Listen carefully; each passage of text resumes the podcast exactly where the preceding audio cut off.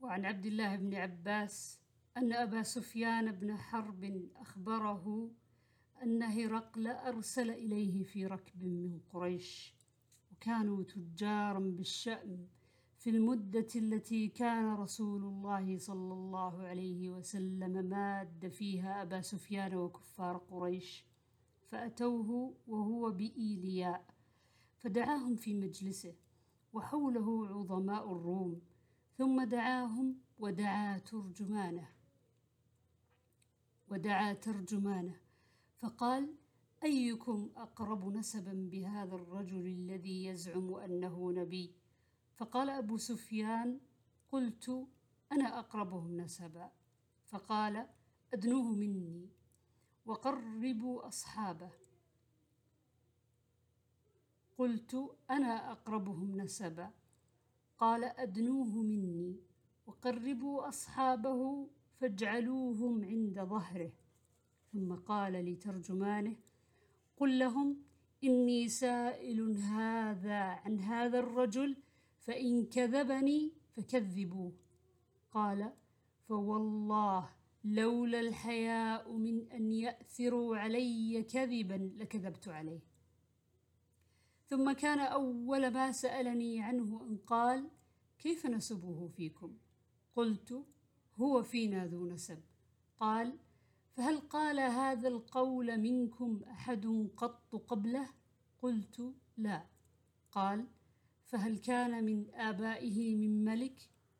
قلت لا. قال فأشراف الناس يتبعونه أم ضعفاؤهم؟ قلت بل ضعفاؤهم. قال أيزيدون أم ينقصون؟ قلت بل يزيدون.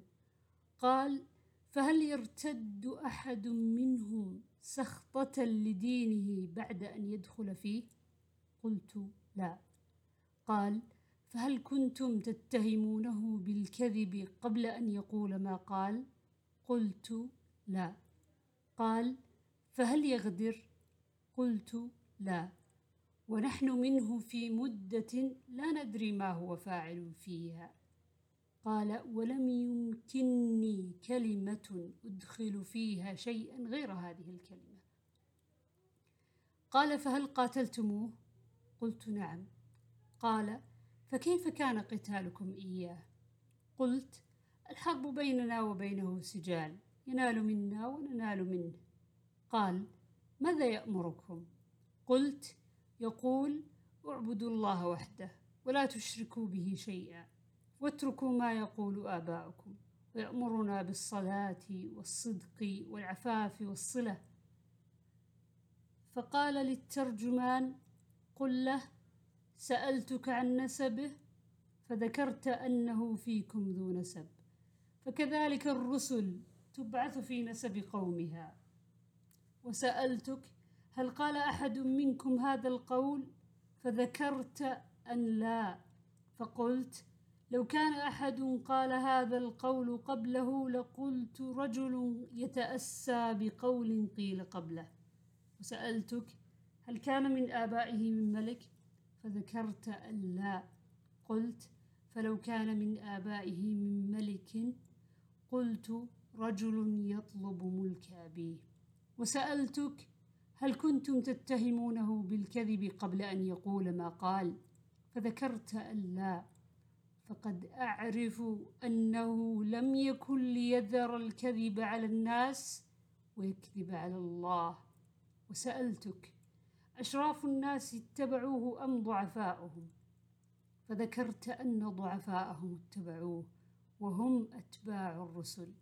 وسألتك أيزيدون أم ينقصون؟ فذكرت أنهم يزيدون. وكذلك أمر الإيمان حتى يتم. وسألتك أيرتد أحد سخطة لدينه بعد أن يدخل فيه؟ فذكرت أن لا. وكذلك الإيمان حين يخالط بشاشة القلوب. وسألتك هل يغدر؟ فذكرت أن لا. وكذلك الرسل لا تغدر. وسألتك بما يأمركم؟ فذكرت أنه يأمركم أن تعبدوا الله ولا تشركوا به شيئا. وينهاكم عن عبادة الأوثان ويأمركم بالصلاة والصدق والعفاف. فإن كان ما تقول حقا فسيملك موضع قدمي هاتين. وقد كنت أعلم أنه خارج لم أكن أظن أنه منكم. فلو أني أعلم أني أخلص إليه لتجشمت لقاءه. ولو كنت عنده لغسلت عن قدميه. ثم دعا بكتاب رسول الله صلى الله عليه وسلم الذي بعث به دحية إلى عظيم بصرى فدفعه إلى هرقل فقرأ. فإذا فيه بسم الله الرحمن الرحيم. من محمد عبد الله ورسوله إلى هرقل عظيم الروم. سلام على من اتبع الهدى. أما بعد فإني أدعوك بدعاية الإسلام. أسلم تسلم يؤتك الله أجرك مرتين فإن توليت فإن عليك إثم الأريسيين. ويا أهل الكتاب تعالوا إلى كلمة سواء بيننا وبينكم. ألا نعبد إلا الله ولا نشرك به شيئا. ولا يتخذ بعضنا بعضا أربابا من دون الله. فإن تولوا فقولوا اشهدوا بأننا مسلمون. قال أبو سفيان فلما قال ما قال وفرغ من قراءة الكتاب كثر عنده الصخب وارتفعت الأصوات وأخرجنا. فقلت لأصحابي حين أخرجنا لقد أمر أمر بن أبي كبشة إنه يخافه ملك بني الأصفر. فما زلت موقنا أنه سيظهر حتى أدخل الله علي الإسلام. وكان ابن الناطور صاحب إيلياء وهرقل أسقفا على نصارى الش... على نصارى الشأم يحدث أن هرقل حين قدم إيلياء أصبح خبيث النفس. فقال بعض بطارقته قد استنكرنا هيئتك. قال ابن الناطور وكان هرقل حزاء ينظر في النجوم فقال لهم حين سألوه إني رأيت الليلة حين نظرت في النجوم ملك الختان قد ظهر. فمن يختتن من هذه الأمة؟ قالوا ليس يختتن إلا اليهود فلا يهمنك شأنهم واكتب إلى مدائن ملكك فيقتلوا من فيهم من اليهود. فبينما هم على أمرهم أتي هرقل برجل أرسل به ملك غسان يخبر عن خبر رسول الله صلى الله عليه وسلم. فلما استخبره هرقل قال اذهبوا فانظروا أمختتن هو أم لا؟ فنظروا إليه فحدثوه أنه مختتن. وسأله عن العرب فقال هم يختتنون. فقال هرقل هذا ملك هذه الأمة قد ظهر. ثم كتب هرقل إلى صاحب له برومية وكان نظيره في العلم وسار هرقل إلى حمص فلم يرم حمص حتى أتاه كتاب من صاحبه يوافق رأي هرقل على خروج النبي صلى الله عليه وسلم وأنه نبي.